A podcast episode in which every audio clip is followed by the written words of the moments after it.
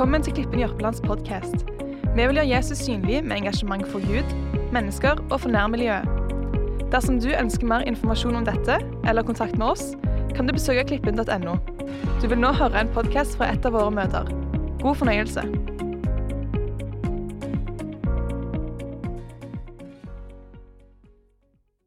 Jeg har vært usedvanlig oppløfta i forberedelsen til denne talen.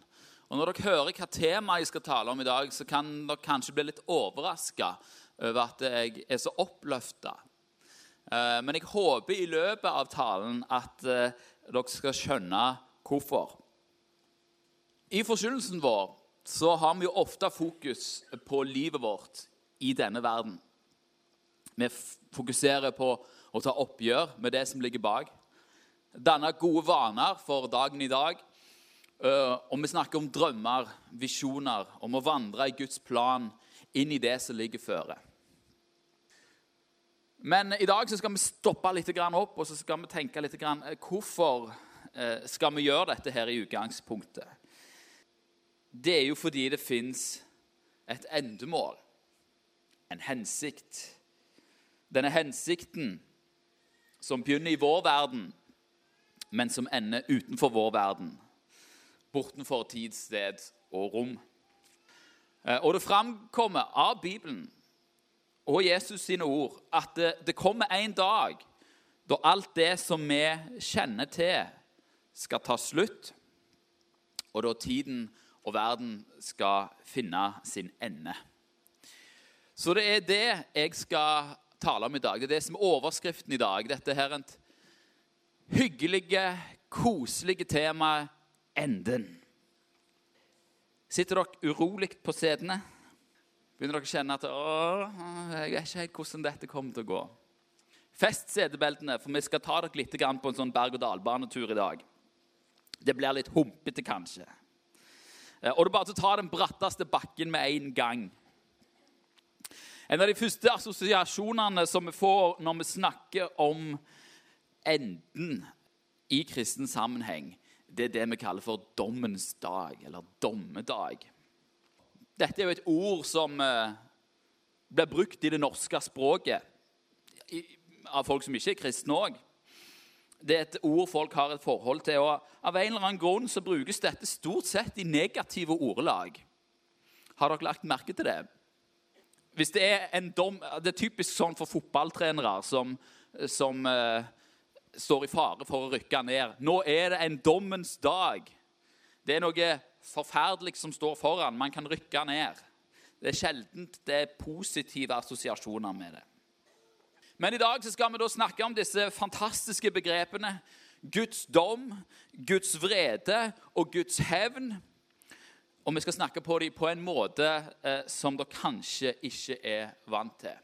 For dette her er fantastiske begreper. Det er gode begreper. Det er gode ord. Og jeg vil og ønsker at vi skal få helt andre følelser når vi hører disse ordene, enn det som man til vanlig har fått. Men før vi gjør det, så må vi jo snakke litt om hvorfor dette er et tema som vi ikke hører så mye om lenger. Og så skal vi rydde litt i bildet vi har av Gud.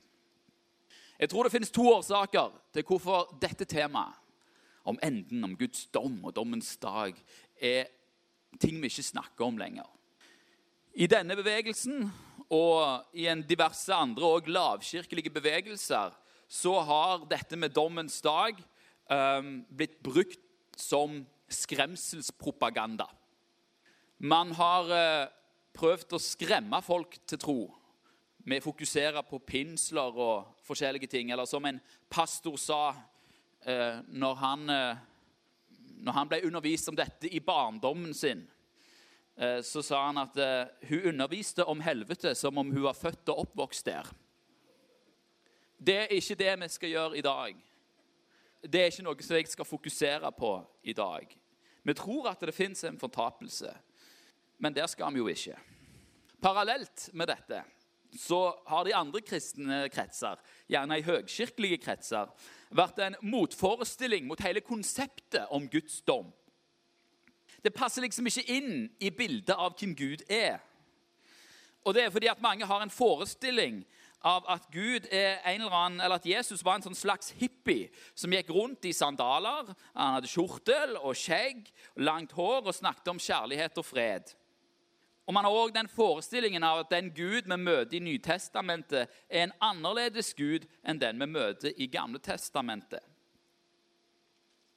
Dette, denne tanken om at Gud er forskjellig i Det nye og Det gamle testamentet, det er ikke en tanke som er, er ny. Eh, de første kristne de, de kjempa hardt eh, for denne forestillingen om at eh, nei, Gud i Gamle testamentet og Nytestamentet er den samme Gud. Det var en retning i de to første århundrene av kristendommens historie er het gnostisismen, som sa at Gud i Gamle Testamentet det er, en, det er en helt annen Gud enn den man finner i Det nye testamentet, enn det Jesus representerer. Men heldigvis så er det sånn at det er ikke tilfellet. Gud i Gamle og Nytestamentet er samme Gud. I vår tid så har mange forestillinger om at Gud i Gamle testamentet er en sånn streng Gud. Og så har man en forestilling om at Gud i Nytestamentet er en sånn snille og gode bestefar-Gud. En sånn koselig en som blir akkompagnert av Odd Nordstoga. En farfar i livet skulle alle hatt. Og det er jo en nydelig sang. Fantastisk sang. Men hvis vi går litt inn i boka, så ser vi at eh, disse tankene om Gud, om at Gammeltestamentets Gud er sånn og Nytestamentets Gud er sånn, det stemmer ikke helt. Hør dette her fra Det gamle testamentet. Jeremia 31, vers 3b. Der står det Ja, med evig kjærlighet har jeg elska deg. Derfor har jeg latt min miskunn mot deg vare ved. Dette er Gamle testamentets Gud som snakker. Min kjærlighet, min miskunn, min evig kjærlighet. Dette her er ikke Nytestamentet dette står i. Dette står i Gammeltestamentet. Så skal vi lese noe av det som står i Det nye testamentet. I Matteus 5, 22. Dette er det Jesus som sier. Du vet han her, den flotte hippien med det lange skjegget som snakket om fred og kjærlighet. Dette, Hør hva Jesus sier. Den som uten grunn hermes på sin bror, skal være skyldige for domstolen. Og den som sier til sin bror raka, det betyr tosk, skal være skyldige for rådet. Og den som sier du dåre, skal være skyldige til helvetes ild. Dette er det Jesus som sier. Dette bildet vi har av at Gud er annerledes i Gamletestamentet enn i Nytestamentet, det stemmer ikke. Gud er den samme. Eller som det står i Hebreabrevet 13,8.: Jesus Kristus er i går og i dag den samme, ja, til evig tid. Sånne som meg jeg, oppvokst, jeg er ikke oppvokst med å høre disse her forferdelige talene om Guds dom. Jeg vokste opp med sangen 'Gud er bare god mot meg'. Har dere hørt den? Skal jeg synge den for dere? Gud er bare god mot meg, ja, han er bare god. Og han passer på meg nå, det kan jeg stole på.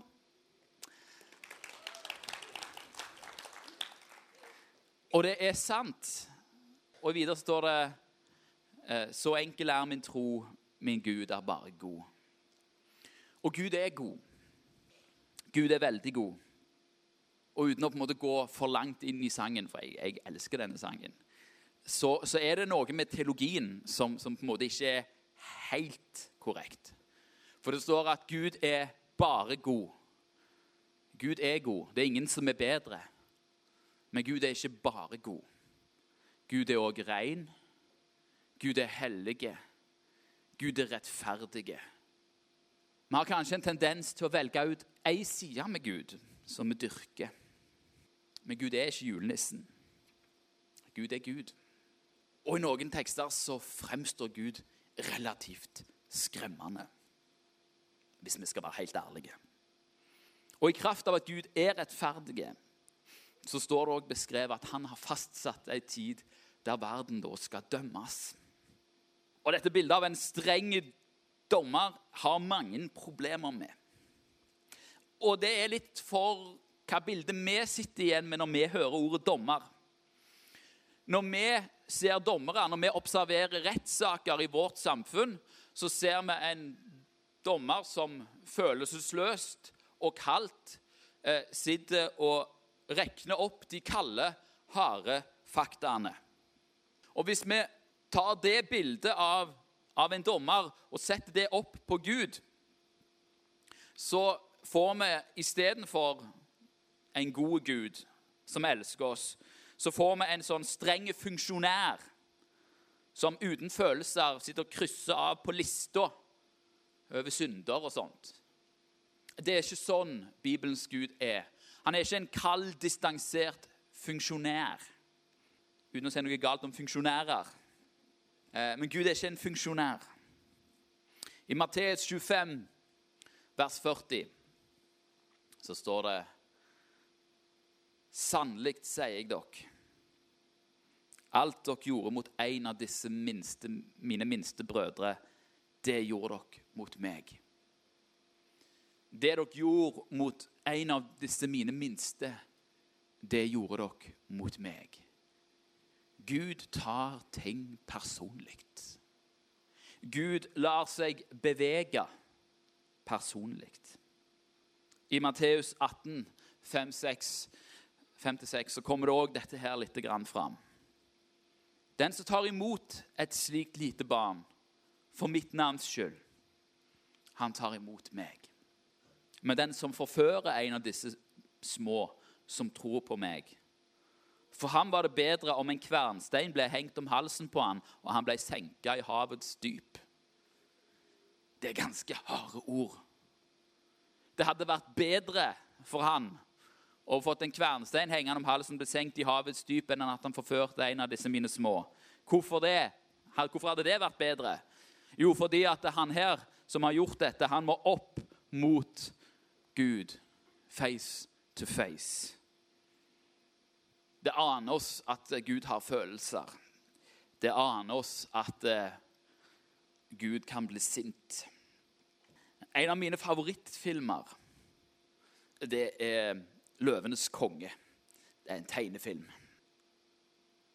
I den filmen så, så er det noen scener som gjør at man et eh, Kan få en indikasjon på hva som menes når vi snakker om dette begrepet Guds vrede. Eh, det som skjer her i denne scenen, det er at eh, det er noen hyener som springer etter hovedpersonen Simba som da er en liten løveunge på dette tidspunktet. Uh, og så skal vi se hva som skjer.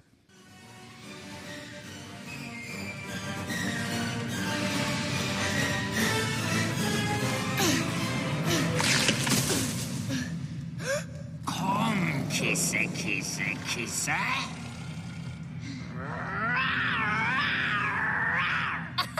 Var det alt? Gjør det igjen. Kom an.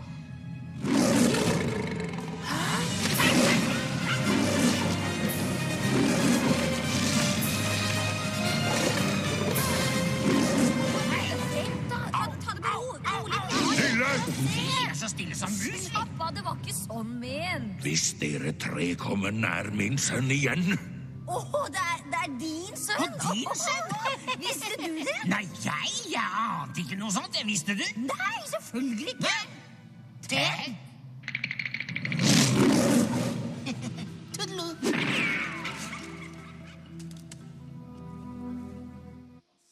Dette er et bilde på Guds vrede. Og det setter Guds vrede i perspektiv. Hva er det Mofasa her, da, den store løven, sier? Han sier hvis dere tre kommer nær min sønn igjen, så skal jeg. Det er vrede. I um, en annen film som heter Narnia, Narnia-filmen, der den er skrevet av en kristen, og den er et bilde på den kristne troen. og Der, der er Jesus gjort lik ei løve som heter Aslan. Og På slutten av den første filmen der så, så kommer på en måte angriper Aslan. Han angriper heksa hvit, som på en måte er et bilde på djevelen. Eh, og Vi kan bare få opp det bildet der. Dette her er ikke, Vi har ikke med en gud å gjøre som om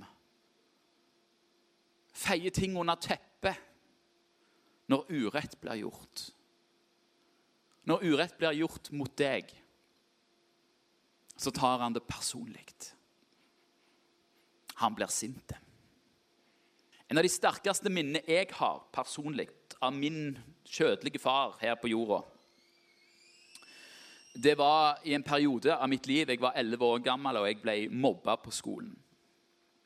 Og Så kom det til et punkt der min far sa OK, nå er det nok.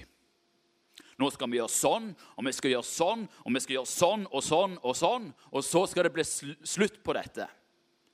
Jeg så på en måte min egen far bli sinte på mine vegne. Det er de sterkeste og mest positive minnene jeg har av min far. Fordi det viser en far som bryr seg, og det viser en far som elsker meg.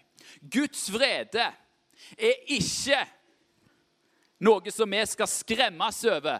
Guds vrede er et, er et, eh, det er et bevis på at Gud bryr seg. På at Gud elsker deg. Hva slags Gud var han om han ikke ble sint på de tinga som folk gjorde mot deg? Når du ble såra, når du ble krenka. Så ble Gud såra, og så ble Gud krenka, og så ble Gud sint. Det er det Guds vrede handler om. Vi skal lese litt fra Jesaja 59, vers 15-18. Sannheten ble borte. Den som holdt seg fra det onde, ble plyndra. Herren så det, og det var ondt i hans øyne at det ikke var noen rett. Han så at ingen trådte fram, og han undra seg over at ingen førte hans sak. Da hjalp hans arm ham, og hans rettferdighet støtta han. Han kledde seg i rettferdighet som ei brynje, og frelsens hjelm satte han på sitt hode. Han kledde seg i hevnens klær og svøpte seg i nidkjærhet som i en kappe, eller lidenskap, som det står i den oversettelsen. Etter deres gjerninger vil han gjengjelde dem, med vrede over sine motstandere, med hevn over sine fiender. Fjerne kyster vil han gjengjelde det de har gjort. Kler seg i hevnens klær, svøpte seg i nidkjærhet som en kappe.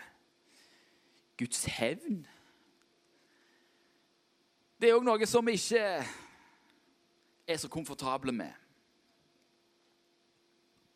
Vi er jo lært opp til at vi ikke skal hevne oss. Som det står i Romerbrevet 12, vers 19. Hevn dere ikke sjøl, mine kjære, men gi rom for vreden. For det står skrevet 'Hevnen hører meg til, jeg vil gjengjelde', sier Herren. Jeg tror vi har gjort en feil av og til i våre kristne sammenhenger. Det vi har tenkt at uh, det ønsket om hevn, den følelsen at jeg har lyst til å hevne meg, at selve følelsen er en synd, det er det ikke.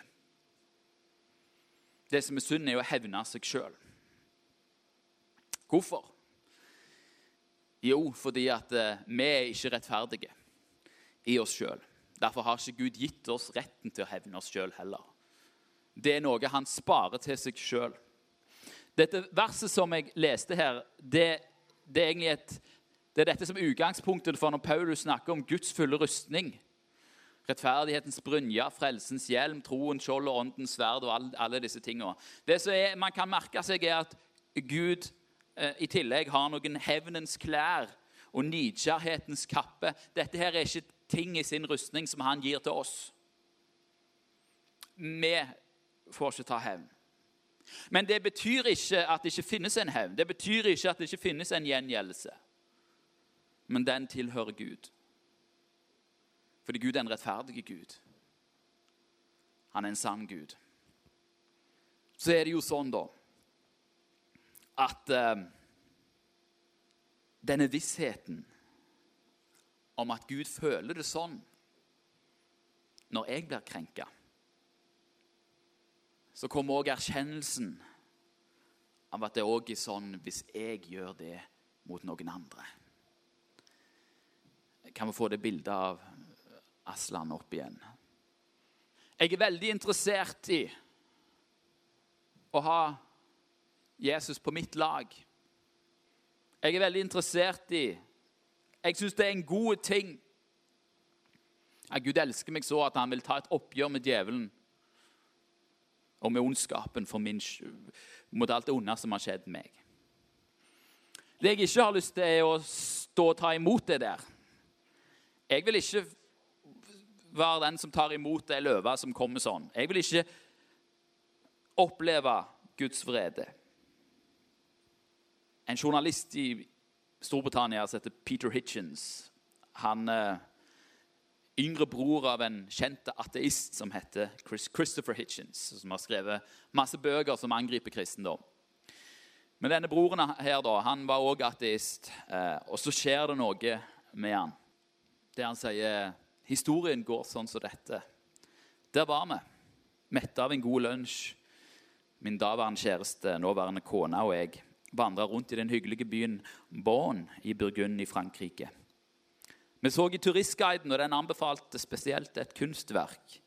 Og Vi gikk og så på det, og jeg tenkte åh, nok et religiøst maleri. Det var et maleri av Dommens dag av Roger van der Weiden. Og Til min forbløffelse så var lagene av tid og avstand som normalt ligger over gamle malerier, borte. Fordi menneskene i det faktisk var som meg og folk jeg kjente. Og Sjokket over å se dette kasta meg inn i ei tankerekke som jeg ennå ikke har klart å rømme fra. Det vil si, noe gikk opp for meg som jeg tidligere hadde lært, men som jeg hadde avvist i mange år. At jeg kunne komme til å bli dømt. Dette her er den første av mange ting som får denne mannen til å etter hvert ta imot Jesus. I Johannes 16, 8, så står det om Den hellige ånd at når han kommer, så skal han overbevise verden om synd og om rettferdighet og om dom. Gud kalte på han gjennom dette maleriet. Han visste jo veldig godt at han ikke trodde på Gud, og hadde ingen interesse av å tro på Gud heller. Men så kom dette bildet som fikk han til å se at eh, Eller innse det kan være at jeg blir dømt. Og dette gjorde at han gikk inn og begynte å finne ut eh, Og begynte å stille disse spørsmålene. Han kom i det som vi i gamle dager kalte for syndenød. At man, man, blir klar over sine egne feiltrinn. Man blir klar over sine egne synder. Og så kommer jo spørsmålet hva skal jeg gjøre med det? Lukas 12, 4-5 sier, sier Jesus Men til dere, mine venner, sier jeg, frykt ikke for de som slår i hjel legemet, og deretter ikke kan gjøre mer. Jeg skal vise dere hvem dere skal frykte. Frykt for ham som har makt til å slå i hjel, og til deretter å kaste i helvete. Ja, jeg sier dere, han skal dere frykte. Jeg har ofte tenkt eh, at eh, ja, vi skal jo ikke frykte Gud, vi skal ha ærefrykt for Gud. Jeg vet ikke helt om det stemmer. Når det er en som holder evigheten din i sine hender, og når du tenker på hvor stor og mektig han er, så gjør det deg jo litt urolige. Det gjør det. Man blir litt redd. I Lukas 12, 58 så står det Når du går til øvrigheten med din motpart, så gjør deg umak med å komme overens med han på veien, for at han ikke skal dra deg for dommeren, og dommeren overgir deg til vokteren, og vokteren kaster deg i fengsel. Jeg sier deg, du skal slett ikke komme ut derfra før du har betalt til siste øre. Vi har å gjøre med en rettferdig Gud. Og jeg vet ikke med deg, men jeg blir litt ukomfortabel når jeg leser disse bibelversene. Jeg kjenner det røsker lite grann. For det minner oss alle på at vi en dag skal vi stå ansikt til ansikt med Gud i himmelen. Og så skal vi redegjøre for hvordan vi har forvalta det livet som vi fikk i gave. Da skal alt det du har gjort, forkynnes i Guds rettssak. Ifra de gode tingene som du har gjort, til de tingene som du helst vil at ingen skal vite. Jeg vet ikke hvordan du vil føle det, men jeg vil føle meg ganske naken da. Så vil jeg være så altfor klar over de feiltrinnene som jeg har gjort. At jeg har såra folk og såra andre. Handla feil. Unngått å hjelpe. Hvis jeg skal være ærlig med meg sjøl, så har jeg gjort ting som påkaller Guds frede. Og den vissheten den skremmer meg inn til beina av og til. Det bør få hver av en av oss å tenke litt over hvordan bruker vi tida vår. Hvordan bruker vi ressursene våre?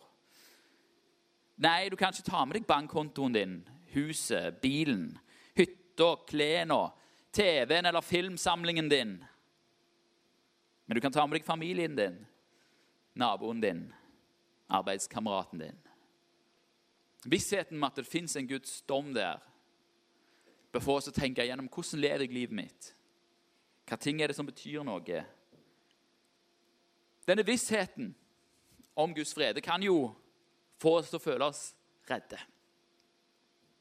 Men så er ikke Gud bare rettferdighetens, vredens og dommens Gud. Gud er òg en nådig Gud. Og jeg vil lese fra Jesaja 53, 5-8.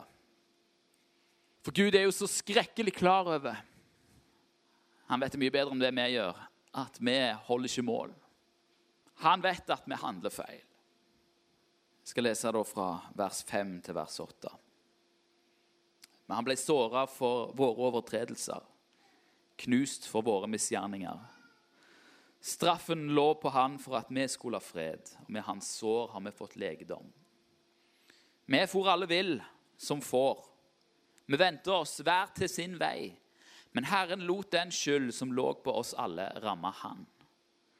Han ble mishandla, han ble plaga, men han opplot ikke sin munn. Lik et lam som føres bort for å slaktes, og lik et får som når, tier når de klipper det. Han opplot ikke sin munn. Ved trengsel og ved dom ble han revet bort. Men Kim tenkte i hans levetid at når han ble utrydda av de levendes land, så var det for mitt folks misgjernings skyld plaga traff han. Gud har sitt og vet at vi ikke har sjans når vi kommer og skal møte han ansikt til ansikt. Derfor sendte han Jesus. Derfor tok han steget ned og ble et menneske for at Guds dom og Guds rettferdighet og Guds vrede skulle ramme Jesus istedenfor meg og deg. Så blir det da stående det som vi leser i Johannes 3, 16. Og jeg skal lese Johannes 3, 16 og litt mer fram til vers 21. For så har Gud elska verden, at han ga sin sønn, den enbårne. For at hver den som tror på han, ikke skal gå fortapt, men ha evig liv. For Gud sendte ikke sin sønn til verden for å dømme verden, men for at verden skulle bli frelst med ham. Den som tror på ham, blir ikke dømt. Den som ikke tror, er allerede dømt, fordi han ikke har trodd på Guds enbårne sønns navn. Og dette er dommen, at lyset er kommet til verden, og menneskene elsker mørket framfor lyset, for deres gjerninger var onde. For hver den som gjør det onde, hater lyset og kommer ikke til lyset, for at hans gjerninger ikke skal bli refsa. Men den som gjør sannheten, kommer til lyset, for at hans gjerninger kan bli åpenbart, for de er gjort i Gud. Gud har gjort i stand et offer han har latt sin vrede ramme Jesus. Den vreden som skulle ha ramma deg, den vreden som skulle ha ramma meg, den har Jesus tatt. For at når vi møter Gud ansikt til ansikt, og alle disse her anklagene kommer opp om alt vi har gjort, så har vi en advokat som sier alt dette er sant, men prisen for dette har blitt betalt. Prisen har blitt betalt. Og det gjør Guds kjærlighet så enda mye større. At han ikke bare er sint og vred når noen rører med hans nærmeste, for det blir han. Men så har han òg sitt til oss som gjør disse tingene mot hverandre. Og så har han sjøl betalt prisen for sin egen vrede og sin egen dom. Vi får ikke det vi fortjener. I stedet for at eh, vi blir dømt for våre synder, så får vi høre at skylden er betalt. Vreden og rettferdigheten har ramma den rettferdige for at den urettferdige skal gå fri. Dette er evangeliet. Dette er de gode nyhetene. Og dette er sannheten. At det kommer en dommens dag. Skynd deg å komme overens med din motstander mens du ennå er på veien. Gud kaller oss til seg. Han kaller oss til omvendelse, til å tro på han og følge han. Og så er det noen som spør når kommer da dommens dag? For noen så kan den ventetida være lenge. Noen ganger så ønsker jeg at dommens dag skulle kommet nå. For det skjer ganske mye fælt rundt forbi i verden. I Johannes' åpenbaring, som på en måte er Hva skal vi si? Det er tre ganger syv runder med Guds vrede. Eh, så er det en interessant ting midt inni her. Kapittel 6, vers 9-11. Og da lammet åpnet det femte seilet, så jeg under alteret deres sjeler som var blitt slått i hjel for Guds ords skyld og av det vitnesbyrd som de hadde. De ropte med høy røst og sa, 'Herre, du hellige og sannferdige.' Hvor lenge skal det vare før du holder dom og hevner vårt blod på den som bor på jorden? Og det ble gitt hver av dem en lang, hvit kappe. Og det ble sagt til dem at de skulle slå seg til tåls enda en liten stund, inntil tallet på deres medtjenere og brødre var fullt, de som skulle bli slått i hjel like som de selv. Når Moses møter, eh, Gud på Sinai-fjellet, så får han beskjed om at Herren er en nådig og barmhjertig Gud. Som er sein til vrede, langmodig eller sein til vrede. Men at han heller ikke lar den skyldige slippe straff. Vi leser i første Mosebok om at uh, Gud lover jeg tror det er Abraham, det landet som han ser. Men så sier han òg at uh, amorittene som bor i dette landet, de har ikke De har ikke vært onde lenge nok ennå. Det skal gå ennå 400 år før på en måte dommen rammer dem. Så Gud ser ondskapen deres. Han ser at uh, de amorittene gjør ting som er ondt. Men han venter med dommen i 400 år før det skjer. Det er en stund siden Jesus døde og sto opp igjen.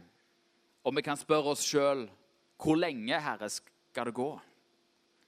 Så skal vi huske på det at Gud er sein til vrede. Det står i 1. Timoteus brev, kapittel 2, vers 4, at han som vil at alle mennesker skal bli frelst og komme til sannhetens erkjennelse. Det er ikke Guds ønske å føre folk til dom. Dommen skal være over djevelen. Men Gud vil ikke la den skyldige bli ustraffa. Men så har han gjort i stand et offer. Vi får lov til å ta imot Jesus. Vi får lov til å, som det står i åpenbaringen Det høres litt groteskt ut, men å dyppe våre klær i lammets blod. Sånn at vi kan se at ja, men her har allerede dommen inntruffet. For vi som tror på Han, så var dommedag for 2000 år siden. når Jesus ble dømt for våre synder, for at vi skulle gå fri.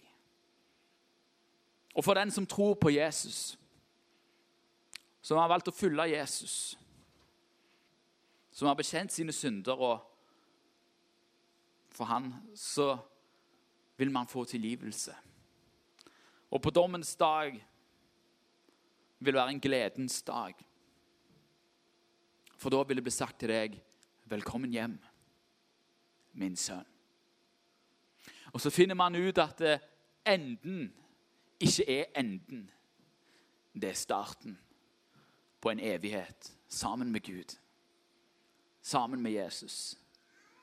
Der vi skal prise og love Han i all evighet. Dommen er ikke meint for oss. Derfor har Gud gjort det sånn at vi skal slippe dommen. Hvis vi vil insistere på å gjøre dette sjøl og gå i vår egen kraft og leve livet vårt akkurat sånn som vi vil Og ikke bry oss om at det fins en som heter Jesus, så må vi ta konsekvensen av det. Men hver den som tror på ham, skal ikke gå fortapt, men ha evig liv. Det er evangeliet. Så håper ikke jeg at jeg har skremt dere her i dag. For dette her er gode nyheter. Tenk at det fins rettferdighet i universet. Tenk at ondskap skal bli dømt. At djevelen skal pælmes ut.